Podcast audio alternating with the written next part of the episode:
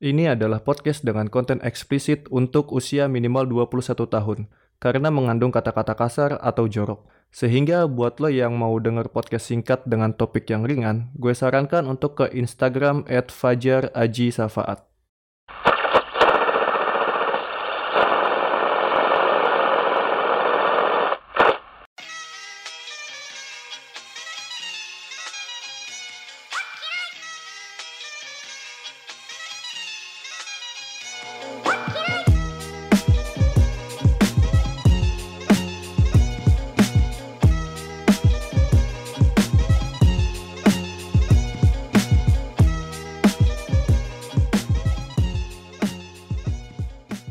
Datang di Suara FM, penting gak penting, ungkapin aja bareng gue Fajar Haji Safaat yang nemenin lo di waktu senggang ya, ataupun di sela-sela kesibukan sambil mengusir rasa bosan, rasa jenuh, rasa gabut ya. Nah, mending dengerin podcast gue ya enggak. nah, uh, untuk episode kali ini gue mau ngebahas tentang pentingnya gitu menerapkan empat pendidikan. Nah, empat pendidikan ini di antaranya adalah pendidikan karakter, pendidikan seks, pendidikan politik, dan pendidikan internet. Nah, ini untuk ke semua masyarakat atau ke diri sendiri ya, baik dari uh, anak muda sampai ke orang tua gitu. Nah, ini sebenarnya kenapa gue sampai mau ngebahas pentingnya empat pendidikan ini karena ini ada beberapa hal yang mengganggu pikiran gue sih selama gue mengamati mengamati dari lingkungan sekitar maupun mengamati dari internet ya dari kelakuan orang-orang lah ya gitu. Bahwasanya yang bikin gue terpicu untuk ngebahas hal ini adalah yang pertama itu kayak kurangnya kesadaran gitu di lingkungan kayak buang sampahnya masih pada sembarangan terus juga enggak tertib enggak tertibnya itu kayak enggak tertib dalam berlalu lintas enggak mau pakai helm lah gitu. Atau yang pengennya kalau di lampu merah itu uh, di zebra crossnya gitu loh bukan di belakang garis. Gua nggak ngerti kenapa orang-orang sampai sebegitunya apakah mereka punya keyakinan bahwa semakin berhenti di depan itu mereka semakin mendapatkan pahala yang banyak. Selayaknya kayak orang sholat di saf paling depan itu pahalanya lebih tinggi. Gue nggak tahu ya. Terus juga uh, kenapa orang-orang kesannya kayak nggak sabaran gitu begitu. Uh, baru aja hijau nih, baru hijau nih, tinggi ya, uh, langsung tin tin tin tin tin, aduh, ampun dah gue orang-orang kayak gitu, nggak sabaran. Terus juga kayak antri gitu, uh, apa ya, bagusnya antri itu kan ke belakang ya. Antri itu ke belakang gitu. Rapi yang nggak ada istilahnya garisnya. Eh, ada garisnya maksudnya ada pembatasnya gitu. Bagusnya sih antri kayak gitu.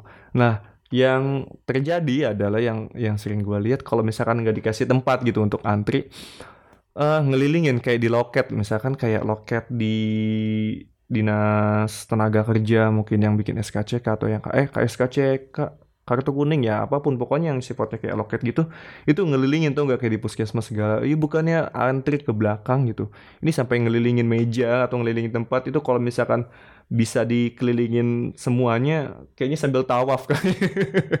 Antrinya itu sambil tawaf sambil nunggu giliran. Itu bener-bener ngerubungin yang bikin gak kondusif gitu loh.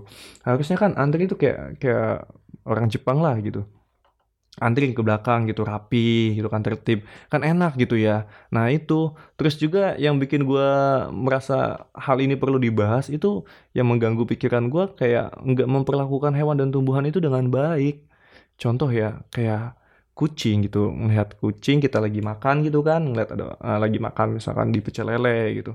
Ada kucing nih lewat di kolong gitu kan. Terus biasanya namanya kucing kan biasanya apa ya nge apa ngelus-ngelus gitu apa namanya bahasa daerahnya ngedusel-dusel gitu kaki. Kok kaki sih? Uh, kepalanya ke kaki kita gitu. Terus uh, gue sering ngeliat yang baru aja kucing lewat itu langsung ditendang gitu loh. Atau ngelihat ada anjing langsung dipukulin gitu diusir. Ini yang menurut gue aduh nggak baik gitu loh. Maksudnya nggak memperlakukan hewan dan tumbuhan dengan tidak baik sampai ada gue pernah baca berita ada anak kucing yang mati gara-gara disiram pakai air panas entah dia jadi karena mau ngambil makanan kali ya ya namanya kucing ya hewan gitu. Dia tidak memiliki akal ya nggak mungkin juga lah kucing datang ketok pintu gitu assalamualaikum assalamualaikum gitu. Uh, ibu bapak punten saya lapar belum makan boleh minta makanannya nggak? Sedikit aja kan nggak mungkin kayak gitu ya kucing ya. Jadi ya namanya kucing mengikuti insting lah instingnya untuk ngambil ya tinggal ambil aja gitu. Kucing mana ngerti hal-hal yang seperti itu gitu terus uh, juga kayak ketumbuhan gitu Kayak misalkan lu suatu jalan ke suatu taman gitu atau suatu tempat lah. Ada peringatan uh, dilarang menginjak rumput, tapi biasanya ada aja gitu orang yang ngeyel gitu nginjak rumput. Terus ada orang yang iseng sambil jalan itu nyabut daun tanaman gitu. Yang harusnya nggak boleh. Ini asal cabut aja gitu loh. Terus tebang pohon, asal tebang aja gitu Uh, terus ada yang pendaki di Bromo mungkin nyabut uh, bunga edelweiss yang harusnya kan nggak boleh. Yang hal-hal semacam itu yang bikin gue ngerasa bahwa kayaknya ini emang perlu deh menerapkan pendidikan karakter. Nah itu yang pertama gitu ya. Terus yang kedua ini kayak tentang seks bebas itu yang udah nggak terkendali lagi. Uh, emang sih seks bebas itu bukan suatu hal yang baru ya. Emang dari zaman dulu seks bebas itu ada gitu. Cuma kalau sekarang, eh, kalau dulu ya, sorry gue balas yang dulu-dulu deh. Uh, dulu itu seks bebas terjadi pada remaja yang suka nongkrong, terus sambil minum alkohol atau apalah gitu, yang kumpul kebo lah katakanlah seperti itu.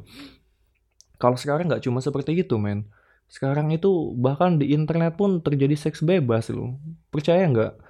Kayak seks bebasnya ini contoh kayak chat seks gitu loh uh, video call seks atau VCS terus juga berkirim-kirim pub naked terus apalagi ya uh, buka order eh buka order booking order atau open BO di internet gitu loh jual diri di internet nyari-nyari tante girang upload-upload bokep entah itu videonya atau gambarnya atau cerita stensil itu banyak banget ditemuin di sosial media gitu. Nggak cuma sosial media di internet internet juga banyak gitu loh lo temuin. Seks bebas tuh makin ke sini makin banyak medianya di makin gak terkontrol juga gitu. Menurut gua internet positif yang udah dilakukan oleh pemerintah itu uh, bukannya nggak bekerja dengan baik. Bekerja dengan baik tapi hanya bekerja bagi orang-orang yang nggak mengerti gitu, nggak nggak mengerti tentang cara ngebuka blokirannya. Sedangkan untuk ngebuka blokiran internet positif itu sekarang udah banyak caranya gitu. Orang-orang udah pada tahu caranya harus seperti apa. Dan lagi, uh, menurut gua seks itu kayak misalkan ketika mendengar kata seks edukasi, orang-orang itu masih langsung menganggapnya hal yang lebih tabu daripada ngebahas sara lebih tabu daripada ngebahas bokep. Nah, uh, eh, gue jadi teringat suatu postingan di salah satu fanpage itu tentang ngasih tahu ciri-ciri kanker serviks ya, yang mana di situ ada ilustrasi gambar vagina. Terus uh, yang lebih seru adalah bukan pada postingan seks edukasinya, men. Tapi comment sectionnya, lo, aduh gila. Di situ comment sectionnya pada beranggapan bahwa itu adalah suatu pornografi, itu adalah suatu pelecehan terhadap kaum wanita, itu sama aja kayak lu melecehkan ibu lo sendiri. Terus itu uh, menganggap bahwa itu adalah zina mata, bahkan sampai ada komen yang ngaceng, gila nggak lo? Ngelihat gambar kayak gitu langsung ngaceng gitu dengan belak-belakan. Apa ya, menurut gua uh, penting lah gitu, saking kayaknya saking tabunya ya seks edukasi itu sampai sebegitunya gitu loh yang akhirnya menurut gue penting deh ini untuk seks edukasi gitu pendidikan seks itu seperti apa yang harus diterapkan ke semua masyarakat gitu baik secara jalur formal ataupun informal terus yang ketiga itu carut ma carut marutnya politik sekarang udah makin ganas ya gitu. Uh, khususnya dari kubu politik kubu politiknya Jokowi dengan Prabowo gitu yang kubunya hashtag 2019 ganti presiden dengan hashtagnya pendukung Jokowi apa sih? Jokowi dua periode bukan? Itulah karena gue nggak termasuk dalam dua, kedua kubu itu jadi gue nggak begitu hafal ya. Cuma yang sering gue lihat adalah uh, kedua kubu ini yang berantem nggak ada beresnya gitu. Saling membenci saling menganggap bahwa kubu Jokowi adalah orang yang bodoh sedangkan kubu 2019 itu adalah kubu yang melek dengan politik dan keagamaannya gitu Begitu juga dengan kubu Jokowi menganggap bahwa kubu 2019 itu adalah kaum sumbu pendek dan orang-orang yang bodoh gitu aja sih gitu. Uh, yang secara apa ya kalau gue pikir-pikir mereka tuh membenci bukan dari uh, kebijakan ataupun apanya gitu ya atau visi misinya. Tapi yang mereka lakukan adalah membenci personalitinya gitu. Oposisi membenci personality Jokowi. Membenci uh, apa ya apa yang namanya pa partai partai partai ya partainya. Yang padahal kalau misalkan tidak menyukai suatu kebijakan gitu ya ya cukup kritisi aja tapi jangan sampai menyebarkan kebencian gitu uh, kebencian itu kan menular soalnya. Nggak cuma sekedar ungkapan. Terus akhirnya yang terjadi adalah uh, penghasutan sana sini gitu. Sampai ke broadcast broadcast di WhatsApp gitu. Sampai ke broadcast grup keluarga juga pasti ada lah gitu yang politik-politik ngebenci menjatuhkan salah satu kubu gitu. Uh, sampai ada kampanye hitam juga gitu. Nah ini menurut gue sampai penting lah kayaknya. Ini ada pendidikan politik terus juga yang keempat ini penggunaan internet ya pendidikan internet gitu. Penggunaan internet yang bikin gue ngerasa kebanyakan orang udah pada overdosis gitu terhadap internet. Udah terlalu candu. Udah candunya gini ya uh, gue yakin di setiap orang itu pasti lebih dari 6 jam dalam sehari menghabiskan waktunya di internet. Mungkin ya uh, lo ngerasa atau enggak ya silakan lo review sendiri gitu terhadap kebiasaan lo di internet apakah lebih dari 6 jam atau enggak gitu terus juga uh, penyalahan guna penyalahgunaan internet yang sekarang itu udah makin dianggap seperti hal yang biasa aja gitu. Kalau dulu penyalahgunaan internet adalah dengan membuka situs bokep dulu ya. Eh, zaman internet itu masih nggak segampang sekarang gitu diaksesnya. Yang dulu mah cuma orang-orang kaya yang bisa akses internet di rumah dan cuma orang-orang yang punya duit untuk bisa ke warnet. Terus juga uh, internet juga sebagai media untuk pelarian orang dari dunia nyata gitu. Pelariannya seperti ini ketika galau, ketika ada masalah itu bikin drama di sosial media. Gitu. Bukannya mencari teman rekan untuk berdiskusi gimana caranya menyelesaikan masalah gua gitu. Gue punya masalah terhadap permasalahan apa pun mau keuangan, pekerjaan, bisnis, cinta gitu. Lebih enak kan kalau ngobrol langsung gitu ya dengan rekan atau partner. Supaya masalahnya cepat kelar gitu bukannya mendrama itu menurut gua kayaknya perlu deh gitu pendidikan internet itu. Nah uh, gua mau menjabarkan lagi gitu ya secara definisinya. Untuk definisinya gua itu ngambil dari Wikipedia. Ini yang pertama gue balik lagi ke pendidikan karakter. Jadi pendidikan karakter itu merupakan bentuk kegiatan manusia yang di dalamnya itu terdapat suatu tindakan yang mendidik, diperuntukkan bagi generasi selanjutnya. Nah, tujuan dari pendidikan karakter adalah untuk membentuk penyempurnaan diri individu secara terus-menerus dan melatih kemampuan diri demi menuju ke arah hidup yang lebih baik gitu. Adapun ya nilai-nilai karakter, nilai-nilai dari pendidikan karakter gitu yang bisa diambil, yang pertama itu jadi orang yang religius. Yang kedua, menjadikan orang jadi jujur gitu. Terus yang ketiga, bisa jadi orang yang toleransi. Yang keempat, bisa menjadi orang disiplin. Terus yang kelima, bisa bikin orang jadi bekerja keras, pekerja keras gitu. Terus yang keenam bisa jadi orang yang kreatif, yang ketujuh bisa jadi orang yang mandiri, yang kedelapan bisa menjadi orang yang demokratis, yang kesembilan bisa menimbulkan rasa ingin tahu gitu terhadap suatu ilmu baik di bidang sains, teknologi, agama atau hal-hal lain gitu ya. Yang ke-10 itu bisa membuat orang menjadi uh, timbulnya rasa semangat kebangsaan gitu. Yang ke-11 timbulnya menjadi cinta tanah air.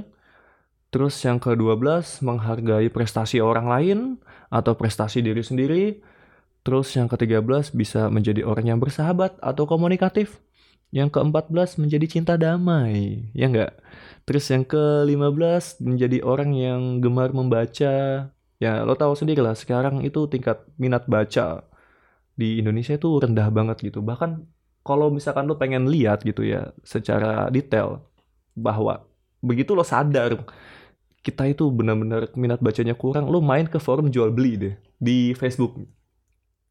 Di situ postingan ada yang udah menjelaskan secara spesifik nama barang yang dijual, lokasi, nomor handphone, terus harganya, terus keterangan bahwa barang itu ya, baru atau second, harganya bisa net atau bisa nego gitu. Tapi komennya masih ada aja yang nanya berapaan gan harganya gitu. Uh, eh, CP-nya ada nggak gan? Nah yang kayak gitu parah gitu loh. Bahkan gue uh, gua sering nongkrong di salah satu vape store. Tempat teman gue bekerja di sana. Di situ tulisannya udah close gitu. Kita udah tutup gitu. Emang guanya masih di dalam gitu. Masih kita masih main aja gitu, ngobrol, main game. Tapi ada aja gitu yang datang uh, untuk beli sesuatu gitu ketika kita udah bilang oh mas sorry udah tutup gitu mereka nggak tahu gitu oh maaf ya mas nggak tahu lah itu kan udah ada bacaan yang jelas gitu di depan pintu loh itu tulisnya close tutup nyet gitu. Maksud gue baca sih ikro gitu loh bacalah. Tapi ya gitu minat bacanya parah gitu loh. Nah lanjut ya ke poin ke 16 itu yang bakal lo dapat dari hasil dari pendidikan karakter. Jadi peduli lingkungan gitu jadi sadar bahwasannya menjaga lingkungan itu penting gitu loh. Uh, ber apa ya memperlaku mem aduh gue bahasa ribet amat ya. Memperlakukan nah memperlakukan hewan dan tumbuhan itu jadi baik gitu nggak semena-mena nggak asal gitu. Nggak memandang bahwa itu mentang-mentang hewan lalu bisa dikasarin gitu nggak gitu. Mentang-mentang itu cuma tumbuhan mikirnya bisa bisa tumbuh lagi terus ya udah main patahin aja main tebang aja atau main injak aja nggak gitu. Nggak kalau misalkan karakter lo berhasil dalam uh, hasil dari pendidikan karakter gue rasa lo nggak akan bersikap seperti itu gitu. Terus uh, yang ke-17 jadi peduli sosial gitu. Peka terhadap lingkungan sosial. Ketika ada yang susah atau ada yang butuh bantuan itu uh, jiwanya itu bakal terpanggil gitu untuk membantu terhadap isu-isu uh, sosial. Kayak ngebantu korban bencana lah atau bersedia menjadi relawan untuk mengajar lah apa pun lah gitu. Menjadi peduli sosial. Kalau misalkan uh, pendidikan karakternya yang nggak tertanam itu biasanya jadi apatis men. Jadi cuek aja gitu bodoh amat. Nggak peduli aja gitu sama sosial lu gitu. Nggak peduli bahkan jadi antisosial.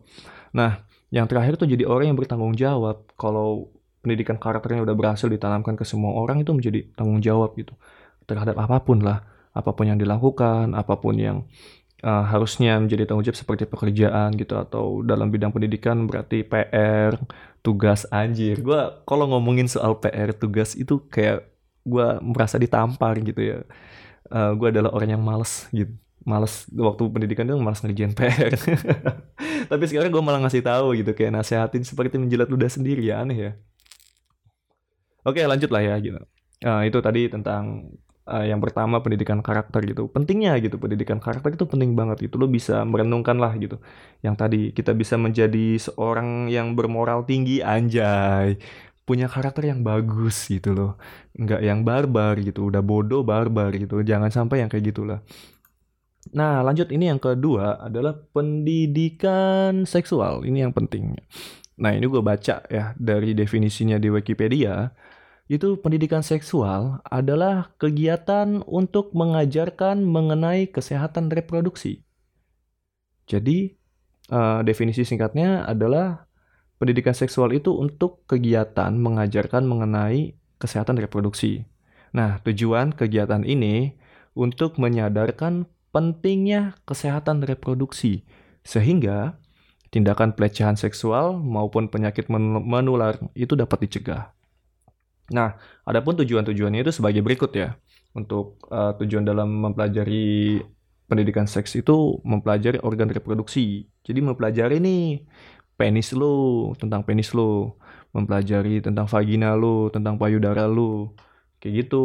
Jadi mempelajari uh, supaya bisa menghasilkan sperma yang sehat gitu kan. Supaya tidak mandul, supaya apalagi ya uh, vaginanya bersih supaya nggak keputihan supaya terhindar dari kanker serviks supaya bisa menjaga kebersihan genital lu gitu loh. Terus juga dari payudara juga supaya nggak asal mungkin memilih bra supaya apalagi ya payudaranya itu sehat gitu loh. Hmm, biar payudaranya tuh nggak berjamur anjir. Berjamur emang ada ya gitu. Payudara yang berjamur. Nggak tahu sih. Uh, kayaknya gue ngebayanginnya gini payudara yang jarang ganti gitu. Akhirnya jadi ada bakteri kan karena betah aja gitu apa beratnya gak diganti terus akhirnya ada jamur gitu. Panu misalkan. Gue ngebayangin kayak payudara ada panunya gitu aneh banget ya. Oke uh, lanjut. Tujuannya itu mengajarkan untuk mencegah ya adanya bentuk kekerasan seksual dan pemerkosaan gitu supaya tingkat uh, pemerkosaan itu turun gitu. Terus juga supaya bisa tahu gitu bahwa kekerasan seksual itu termasuk yang seperti apa sih gitu. Lu bisa mempelajarinya gitu dari pendidikan seks ini. Dan lagi mencegah ya pernikahan usia yang terlalu muda. Ya lo tau lah di Indonesia itu masih banyak yang mempraktekkan pernikahan yang terlalu dini gitu. Kayak contohnya lulus SMP udah nikah gitu atau lulus SMA udah langsung nikah uh, yang mana di usia tersebut menurut gue masih belum mapan ya secara kepribadian atau secara pikiran pola pikirnya itu belum mapan. Belum lagi dari duitnya lagi ya. Emang lo nikah cuma sekedar ijab kabul atau sekedar upacara pernikahan di gereja atau di tempat-tempat ibadah lah ya? Nggak gitu gitu. Yang menjadi uh, fokusnya adalah dari pernikahan itu setelah resepsi atau akad nikahnya. Itu yang menjadi fokusnya di dalam pernikahan. Apakah lo bisa membina dan lagi pernikahan yang terlalu dini bisa beresiko beberapa kali lipat ya terhadap kematian ketika melahirkan gitu. Lo bayangin dong rahim yang masih terlalu muda gitu. Me akhirnya harus melahirkan sebuah bayi Terus karena masih terlalu muda akhirnya beresiko terhadap kematian itu jadi lebih tinggi gitu. Lo bisa cari deh artikelnya, lo bisa cari deh ilmunya. Gue pernah baca soalnya tapi gue lupa sumbernya dari mana aja. Nah, terus juga dari pendidikan seks ini bisa tujuannya untuk mencegah ya perilaku seks yang gak aman gitu. Contoh ya, seks yang gak aman itu dulu ada kasus kalau nggak salah namanya Emon ya kalau nggak salah Emon bukan sih lupa gue yang memperkosa ayam itu lo gila nggak lo lo bayangin deh uh, seorang anak remaja memperkosa ayam. Lo kepikir gak sih gitu lo? Uh, ngewek sama ayam. ini ada lucu ada mirisnya juga sih gitu terus seks yang gak aman lagi ketika berhubungan seks tapi dalam keadaan kelaminnya kotor gitu misalkan gak mandi dulu lu abis aktivitas harian keringetan tuh ya bau gitu masih ada dakinya terus ngewe nggak pakai kondom gitu aduh kayak itu kotor gitu. Dan ceweknya juga keadaan keputihan gitu nggak bersih bersih dulu. Yang akhirnya bakteri ketemu bakteri gitu. Ya udah gitu. Terus abis berhubungan badan nggak bebersih gitu. Nggak nggak sabunan nggak yang cowoknya juga nggak buang air kecil dulu nggak kencing dulu gitu supaya bakterinya kedorong keluar. Yang akhirnya timbul penyakit gitu loh maksud gue nggak aman kan kayak gitu. Uh, terus juga ketika orang membeli kondom langsung dipandang ah, anjing ini PK lo ya. Kasirnya langsung memandang mas mau ngewe ya? Itu tatapan kasir tuh kayak gitu. Gue pernah uh, pengalaman gue beli kondom kayak gitu. Si mbak yang kayak awkward gitu kayak ngeliat gue mas mau ngewek gitu tatapan yang kayak gitu walaupun dia nggak bilang gitu sih. Tapi ya menurut gua kayak aneh aja gitu. Padahal kan jelas gitu beli kondom itu bukan suatu hal yang uh, bukan suatu hal yang seperti ingin melakukan tidak kriminal gitu bukan. Terus juga uh, pendidikan seks ini bisa uh, mencegah ya penyerapan informasi yang nggak aman gitu atau nggak akurat. Karena informasi-informasi tentang seks ini banyak yang nggak um, akurat juga yang asal doang gitu. Kayak yang pamali-pamalian gitu mitos-mitos nggak jelas gitu. Contoh ya contohnya. Contoh kayak uh, misalkan ketika melakukan seks oral atau blow job gitu. Terus ditelan spermanya terus masih ada loh serius masih ada loh yang berkeyakinan bahwa bisa hamil gitu. Hamil gitu. Lu melakukan oral seks terus hamil gitu. Terus uh, gue nggak ngerti itu sperma dari lambung apakah tembus ke rahim atau bisa hamil di tenggorokan gitu di batang leher lo mengandung janin. Tapi masih ada loh yang percaya gitu. Uh, ya ini ya nggak baik gitu loh. Makanya pendidikan seks ini penting gitu loh terus yang ada yang cuma pegangan tangan doang takut hamil gitu. Aduh gue nggak ngerti gitu. Dan lagi bisa memberikan edukasi terhadap anak ya ketika lo udah menikah gitu. Uh, ketika anak itu bertanya uh, ya gitu atau ayah uh, aku nih lahirnya dari mana sih? gitu. Nah lo, lo mau jawab dah dia dari ciki kan nggak mungkin gitu atau lo mau jawab dilepehin juga kan nggak mungkin gitu. Lo mau jawabnya kayak gimana? Kalau lo belajar tentang seks edukasi yang baik dan benar lo bakal bisa ngejawab pertanyaan ah itu dengan benar gitu lo dengan dengan santai tanpa menimbulkan stigma buruk tanpa uh, merasa canggung gitu loh. Kalau misalkan nggak disertai dengan pendidikan seks nanti jawabnya cuma eh eh apa ya apa ya gitu doang. Anaknya malah nyari tahu sendiri gitu. Ketika tahu bahwa anak itu bisa terjadi dari hubungan intim terus dia nyoba gitu. Wah bahaya kan anjay. Gue ngomongnya udah kayak orang tua gak sih? Kayak gitu. Uh, selain itu juga ya dari pendidikan seks itu bisa untuk mengetahui informasi gitu seksual bagi remaja gitu. Apalagi remaja ini kan masa-masa yang di mana banyak rasa ingin tahu gitu. Uh, lo bisa bayangin lah ya kalau ketika remaja itu mencari tahu tentang seksualnya tidak pada tempat yang benar gitu uh, bercerita kepada teman-teman yang cuma tahunya oh lo udah pernah nonton bokep kan? Gimana sih seks itu? Gitu. Ya udah gini aja langsung di speak speak iblis tau gak lo dimodusin gitu tau tau uh, di ewe aja. Nah ini yang bahaya gitu. Kalau misalkan uh, orang tua yang udah terbuka pikirannya dan welcome tidak menganggap tabu terhadap pendidikan seks gua rasa bakal bisa memberikan pelajaran terhadap anaknya ya bahwa seks bagi remaja itu begini loh nak gitu uh, baiknya seperti ini dan bahayanya begini gitu. Alangkah baiknya kamu tidak melakukan hal seperti ini. Alangkah baiknya kamu untuk mempelajari genit uh, vitalitas gitu dan jangan menggunakan kata yang penis jadi burung gitu loh. Uh, ketika ada ayah main burung jadi kayak aneh gitu. Ayah main burung, burung diidentikan dengan penis.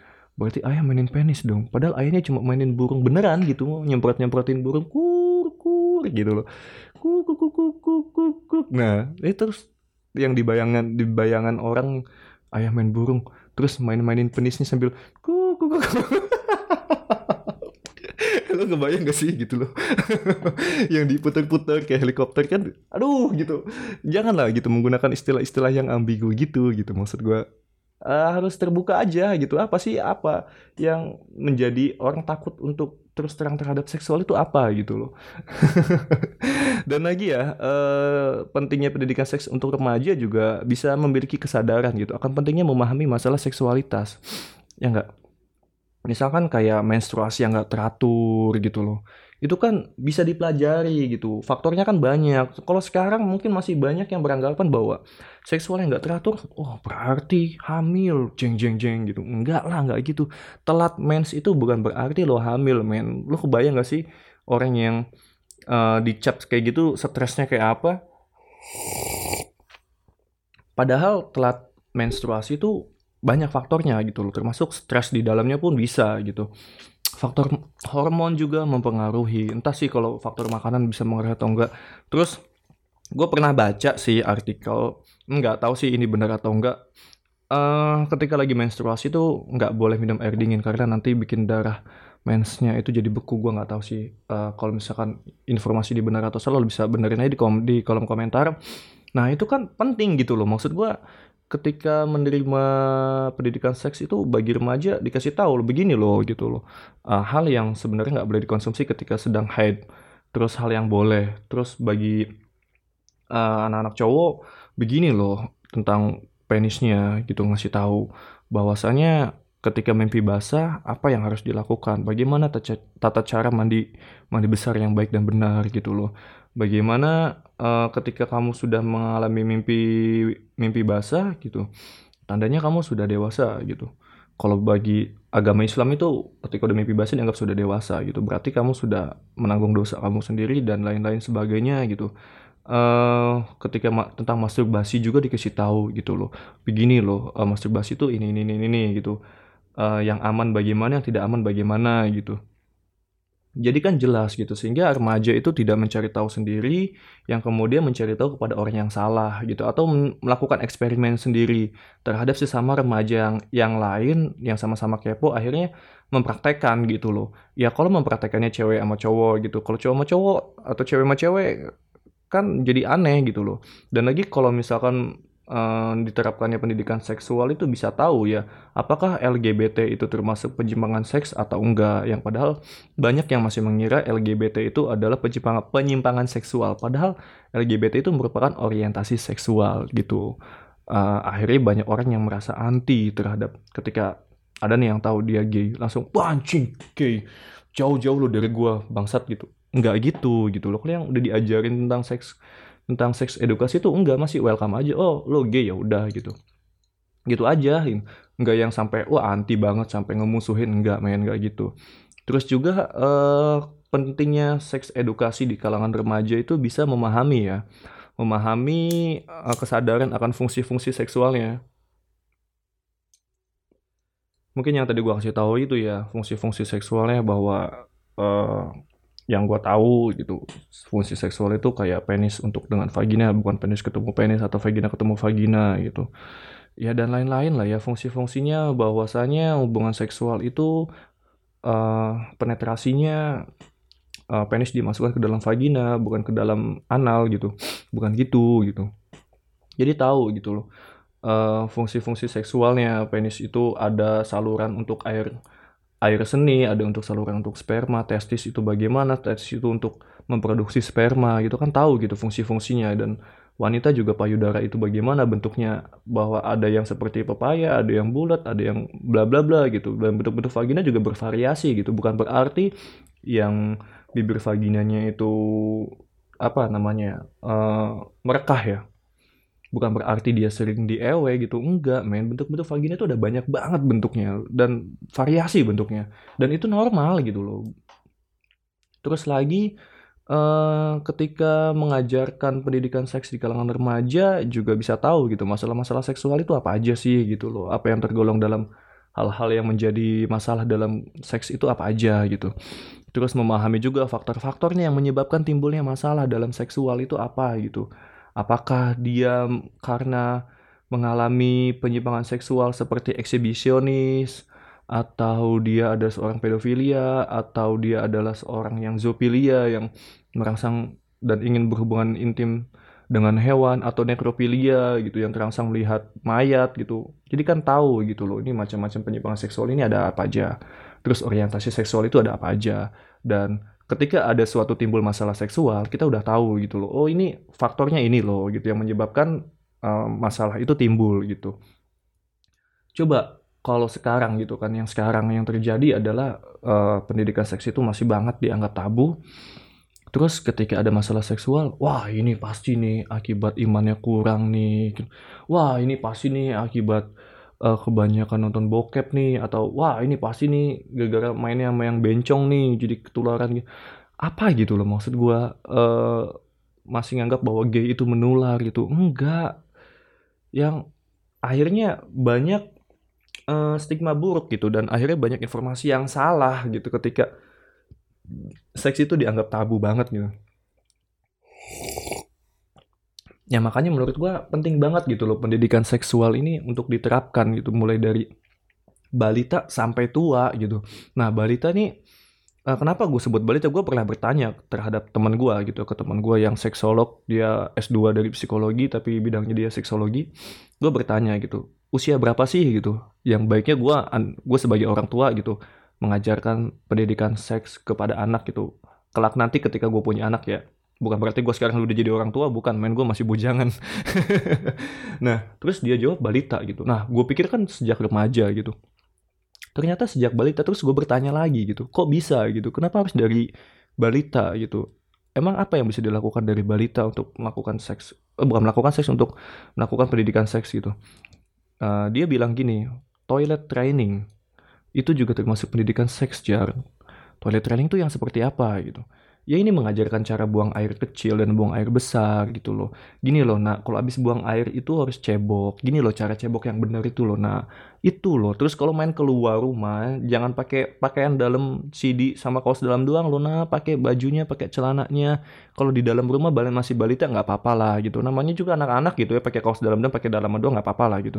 Kalau di dalam rumah. Tapi kalau di luar rumah dipakai lo ini cantik ganteng gitu celananya biar mainnya juga enak biar nggak kotor biar nggak ada om-om pedofil yang lihat gitu loh maksud gua.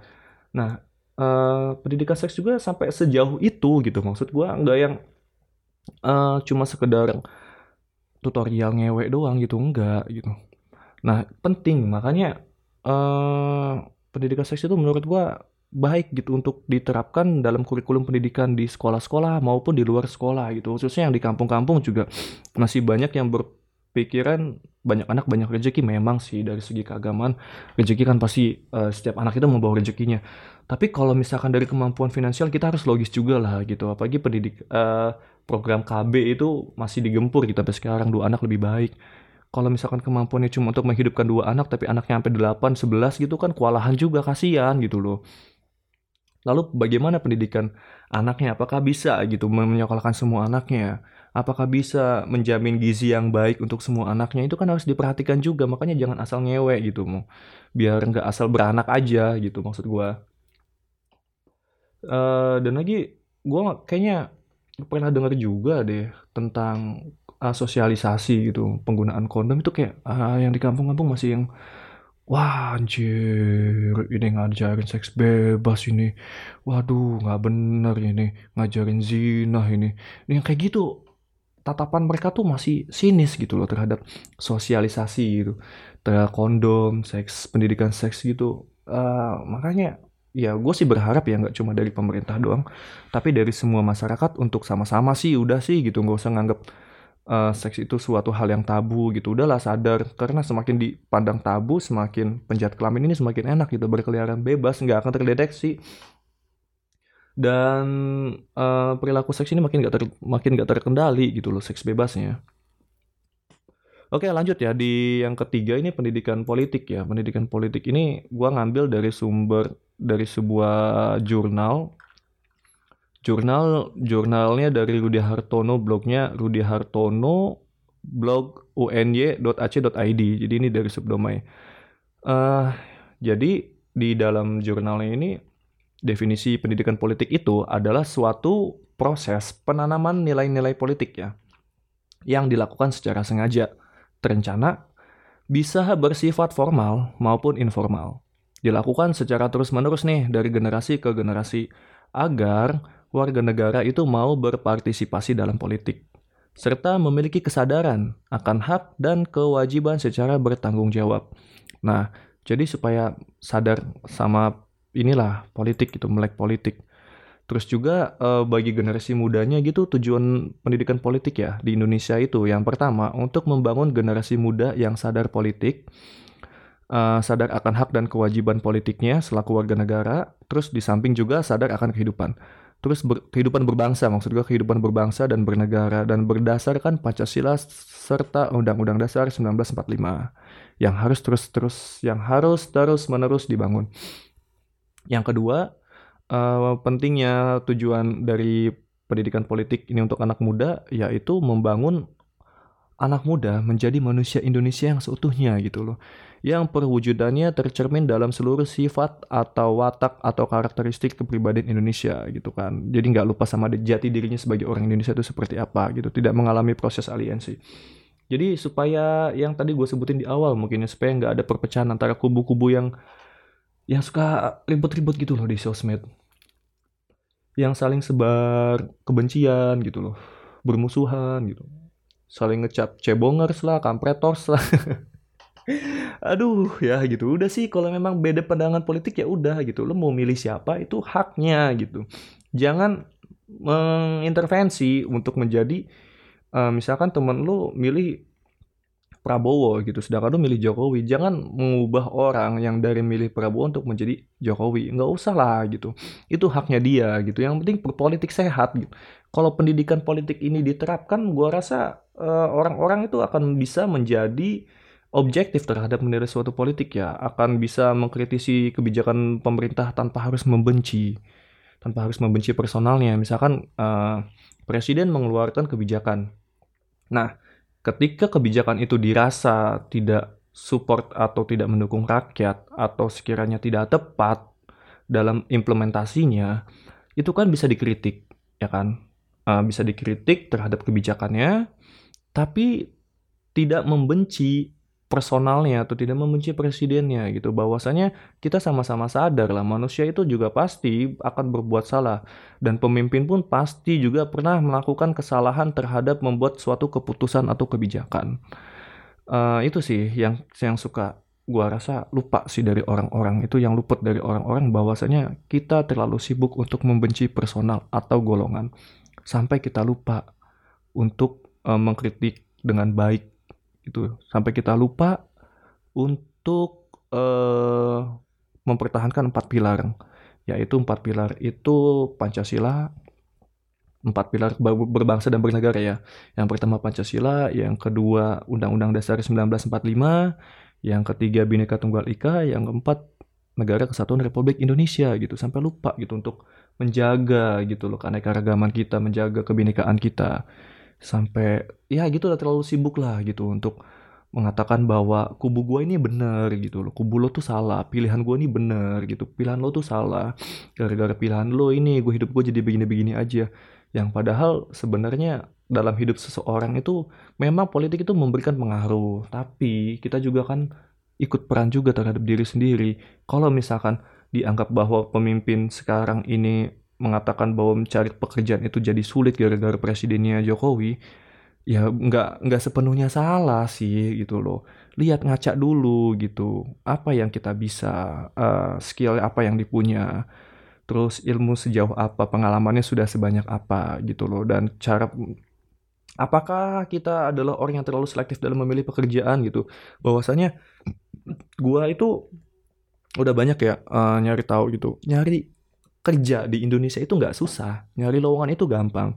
Yang susah itu adalah uh, memperbaiki kualitas diri, itu yang susah. Gua pun pernah bertanya terhadap teman gue yang punya bisnis dan dia sedang sibuk cari karyawan juga susah gitu loh. Gue nyari karyawan susah jar gitu. Lah, bukannya tenaga kerja itu banyak ya? Iya, memang banyak, tapi yang memenuhi memenuhi kualifikasi untuk kerja di perusahaan gue tuh susah gitu. Kebanyakan cuma asal mengandalkan ijazah doang gitu. Tapi uh, pola pikirnya enggak gitu. Terus skillnya juga ya cuma sekedar asal skill ada doang, enggak yang sampai didalami ilmunya gitu. Dan pengalamannya juga gimana ya? Oke lah kalau yang belum ada pengalaman gue masih bisa nerima gitu. Tapi ini mah parah gitu. Dan lain-lain gitu loh. Yang menurut gue uh, susah mencari pekerjaan itu bukan hanya sekedar dari faktor politik ya tapi dari faktor individu juga gitu. Ya jadi gue rasa pendidikan politik di Indonesia tuh perlu diterapkan gitu. Apalagi anak-anak muda itu memberikan suara banyak ya uh, suara untuk dalam pemilihan itu banyak dari golongan anak-anak muda. Dan kalau anak-anak muda ini nggak melek atau nggak sadar politik bahaya gitu loh. Ketika anak mudanya udah apatis enggak lah aku ngapain sih ngurusin politik? Gitu. Mendingan golput aja nggak mau ngambil pusing lah. Semua politik semua politisi itu bullshit gitu. Semua janji-janji itu cuma omong kosong. Mendingan gue nggak milih gitu daripada gue salah pilih. Nah ketika dia memutuskan untuk golput dan tidak memilih lalu surat suaranya nggak kepake dong. Ya nggak? Nah karena tahu nih nggak kepake, akhirnya ada oknum yang memanfaatkannya untuk memilih salah satu paslon yang mungkin aja paslon itu nggak beres. Akhirnya terjadilah gitu uh, surat suara yang dipilih secara gitulah uh, secara tidak adil gitu. Akhirnya yang terpilih pemimpin yang nggak benar gitu loh. Kalau udah kayak gitu, yang si golputnya gue yakin cuma ber, berkuar-kuar doang gitu. Ah ini pemimpinnya nggak benar gimana sih? Gimana Indonesia mau maju kalau pemimpinnya begini? Padahal dia sendiri yang nggak mau memilih gitu nggak mau memilih dengan dengan bijak dengan cerdas gitu loh. Nah itu menurut gue penting banget gitu. Dan terakhir ya uh, pendidikan itu gue rasa ada pendidikan internet gitu. Pendidikan internet yang gue maksud bukan pendidikan bagaimana cara menggunakan internet bagaimana cara mengakses internet bukan itu. Mengakses internet sekarang udah gampang banget gitu uh, maksud gue pendidikan internet yang gue maksud gimana sih maksud gue pendidikan internet yang gue maksud pemborosan kata ya uh, pendidikan yang supaya orang-orang tuh tahu gitu bisa membedakan mana berita hoax dan mana yang bukan. Mana yang ujaran kebencian dan mana yang bukan. Mana yang uh, orang yang sekiranya cukup untuk diabaikan dan mana yang enggak di dalam sosial media. Artinya, jangan sampai kayak yang sekarang ini orang-orang pada ngeluh. Ngeluhnya gini, uh, berhenti membuat orang bodoh menjadi terkenal. Padahal uh, mereka sendiri yang membuat orang bodoh itu terkenal, netizen sendiri. Dengan share konten-konten bodoh mereka, mengolok-olok, membuli, akhirnya banyak orang yang melihat dan ikut-ikutan. Itu seharusnya ya udah baikan aja gitu. Ketika lo melihat konten yang bodoh gitu ya, konten yang buruk, scroll aja udah. Kalau misalkan lo ke-trigger pengen komen yang jelek-jelek, ya komen-komen, tapi sebisa mungkin jangan komen lah, abaikan aja. Sehingga orang-orang tolol di internet nggak jadi terkenal. Gitu loh, maksud gue pendidikan internet itu penting. Bagaimana supaya kita tidak membuli gitu. Tapi pada dasarnya kalau memang pendidikan karakternya berhasil, gue rasa bully di internet itu nggak bakalan terjadi deh. Terus orang-orang juga nggak bakal mudah terpelatuk emosinya ketika ada yang menyebarkan hoax ataupun isu-isu yang belum tentu benar gitu loh. Dan lagi pendidikan internet itu kalau misalkan diterapkan bisa menjadi sebuah ilmu yang mungkin sekarang masih belum terlalu diterapin ya. Maksudnya orang belum belum pada sadar bahwasannya internet itu bisa jadi ladang marketing yang luas gitu. Yang tadi awal gue bilang, gue rasa setiap orang pasti menghabiskan waktu di internet itu 6 jam deh, minimal 6 jam dalam sehari. Sehingga banyak banget kan orang-orang yang berada di internet gitu dalam seharinya kan bisa menjadikan peluang bagus gitu loh untuk bisnis. Karena sekarang udah bukan era industri lagi, bekerja bukan hanya sekedar jadi PNS kerja di pabrik atau di kantor swasta, tapi entrepreneur di bidang industri kreatif pun bisa gitu loh. Lu bisa menjadi komikus, lu bisa menjadi komika, lu bisa menjadi konten kreator yang dibayar, lu bisa jadi selebgram. Kalau lu pinter nge-marketinginnya di internet, jadi duit, men. Itu loh maksud gua. Jadi terus juga bisa bijak dalam bersosial media gitu. Bisa memilih dan memilah mana sekiranya akun yang patut untuk di-follow, mana sekiranya berita yang patut untuk diviralkan dan mana yang enggak gitu. Jangan cuma ketololan di internet yang diviralkan gitu, tapi prestasi atau konten-konten kreatif juga harus diviralkan juga supaya mendorong gitu anak-anak muda yang lain untuk kreatif juga gitu. Bukannya modal toket paha, cantik, joget-joget, terus lo interesting lalu lo share kemudian akhirnya viral, bukan yang uh, membuli orang yang punya fisik yang nggak cantik gitu ya atau nggak nggak ganteng. Uh, dengan dia melakukan lip sync lalu diviralkan sambil mengolok-olok nggak gitu gitu loh. Maksud gue bijak aja gitu. Kalau misalkan pendidikan internet itu udah diterapkan di dalam kurikulum pendidikan maupun di luar pendidikan formal gitu akan menjadi internet yang indah gitu. Kayak zaman zamannya Friendster mungkin ya. Kayak zaman zamannya Yahoo Messenger gitu. Eh gue tua banget ya. Uh, tahu internet dari zaman itu. Ya kayak gitu. Jadi akhirnya menjadi internet yang sehat gitu loh. Internet yang uh, adem gitu internet yang tidak terlalu menimbulkan candu sekarang kan orang-orang banyak yang mendrama di internet banyak orang-orang yang uh, melakukan pelarian dari frustasinya di dunia nyata ke internet gitu. Yang seharusnya dia bisa ke psikolog kalau misalkan frustasi atau depresi atau yang galau bisa uh, curhat ke temen dan lagi kumpul juga sekarang nggak cuma jadi kalau misalkan bijak dalam internet tuh uh, grup itu cuma untuk keperluan aja ketika memang tidak bisa untuk bertemu secara tatap muka akhirnya bisa diskusi di grup nggak cuma sekedar jadi ajang untuk sebar broadcast nggak jelas, nggak cuma sekedar ajang cuma hahaha doang di grup gitu loh. Yang wasting time menurut gua, akhirnya interaksi sosial itu menjadi kurang. Berbicara secara tatap muka itu menjadi lebih jarang dibandingkan uh, ngobrol lewat grup gitu. Akhirnya menjadi tidak produktif. Itu loh. Kalau pendidikan internet sudah benar-benar tahu kan orang bisa ngebedain juga gitu. Mana berita hoax dan mana enggak. Ketika ada isu yang enggak yang nggak tahu nih benar atau enggaknya gitu. Kan nggak langsung main share aja gitu loh. Ketika dikasih tahu ini hoax nih. Ya gue mah nggak tahu jar. Gue cuma nge-share doang. Anjing. Dengan gampangnya lo bilang gitu gitu loh. Ketika ada orang yang langsung menuntut gimana? UU ITE itu menyebarkan hoax lo bisa kejerat hukum anjir kayak gitu loh. Oke lah itu menurut gua empat pendidikan yang menurut uh, yang perlu banget gitu loh untuk diterapkan ke semua orang ya. Baik di jalur formal ataupun informal baik yang itu harusnya dijadiin ya saran bukan saran sih gue punya keinginan aja andaikan gitu dijadiin kurikulum dalam pendidikan di sekolah kayaknya keren deh gitu. Sehingga uh, sejak dini ada pendidikan karakter pendidikan seks pendidikan politik dan internet sehingga menghasilkan generasi yang bagus gitu loh.